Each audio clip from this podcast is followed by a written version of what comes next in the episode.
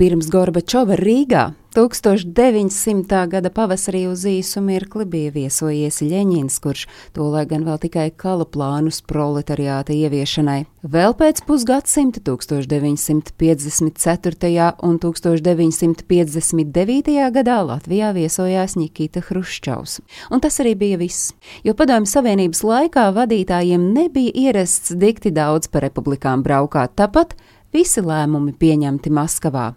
Bet, nu, nākot Gorbačovam pie varas un pasludinot kursu uz pārbūvi, jeb perestroiku un atklātību, jeb glasnosts, kompartijas līderis labi saprata, ka pārmaiņām nepieciešams sabiedrības atbalsts, jo tikai tā viņam izdosies mainīt iesīkstējušo padomju režīmu. Nu, un tieši perestroikas ideju popularizēšanas nolūkos Gorbačovs ar kundzi ieradās Latvijā vizītē, kas ilga no 1987. gada 17. februārim līdz 19. februārim. Ģenerālsekretāra un viņa kundzes Raisas pirmā pieturvieta Rīgā bija Ļeņina piemineklis. Ļeņina un Kīrova ielas, šobrīd brīvības un Elizabetes ielas bija slēgtas, visapkārt cilvēku pūļi, bet pie pieminekļa pionieri goda sardzē stāvējuši. Gorbačovs, kuram bijis raksturīgi neplānoti apstāties un aprunāties ar cilvēkiem ielas malā, apstājies un teicis sanākušajiem: Paldies, ka esat atnākuši! Bet vai Rīgā šodien kāds strādā vai nē? Ļaudis viņu mierināja, sakot, ka strādā gan. Un tad atbildējis Gorbačovs šādi: Strādāt mums vajag, ceru, ka esat to sapratuši. Ja pie Leņķina pieminiekļa viņš nolicis sarkanu rožu pušķi, tad sarkano strēlnieku pieminiekļa pakājē viņš licis sarkanas neļķes, un tās esot bijušas Leņķina mīļākās puķes. Pie strēlnieku pieminekļa, tā kā turpat blakus bija Politehniskais institūts, sanākušo vidū bijuši arī studenti, un kad viens no viņiem pasūdzējies vadonim, ka nevar sagaidīt ķīpsalas peldbaseina atklāšanu, Gorbačovs esot atteicis, ka tas, protams, ir slikti, bet galu galā mums taču blakus ir jūra. Lieki gan laikam piebilst, ka februāra spēlgonī tas izklausījies diezgan komiski.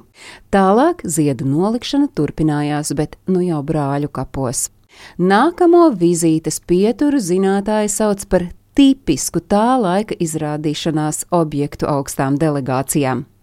Meža parka estrādes ēkā atradās padomju Latvijas tautas saimniecības sasniegumu izstāde bet no turienes ceļš veda uz ar Ļeņina ordeni un ar darba sarkanā karoga ordeni apbalvoto Vissavienības uzņēmumu VEF. Šeit padomju līderis neskopojies ar kritiku. VEF taču esot viens no labākajiem PSRS uzņēmumiem, bet no otras puses, vai tas spēj maz uzdot toni pasaules tirgū? Un tad ko vēl varētu parādīt viesim no Maskavas? Skaidrs, ka viņam noteikti jāiepazīst Latvijas lauku sasniegumi, un tolaik viena no vietām ārpus konkurences bija kolhos sādaži. Augstajam viesim noteikti bija jāredz arī šī vieta. Gorbačovu pāris bija sajūsmā par ādažos redzēto, un abi pilnām mutēm slavējuši, sakot, ka tas nu ir viens ideāls kolhos, uz ko vajadzētu tiekties visiem padomju kolhoziem. Starp citu, Ādažu priekšsēdētājs Alberts Kauls vēlāk kļuva par Gorbačova padomnieku lauksaimniecības jautājumos. Un, lai arī no malas Gorbačova vizīte izskatījās gluda, lai pat neteiktu spoža, Izrādījās, kamēr Gorbačovs šiverēja pa ādažiem, milicija saņēmusi zvanu, ka atpakaļ ceļā Gorbačova auto tiks uzspridzināts. Tieši šī iemesla dēļ mainīja augstā viesa maršrutu uz jūrmalas rezidenci, kur viņš bija apmeties, un viss beidzās bez starpgadījumiem.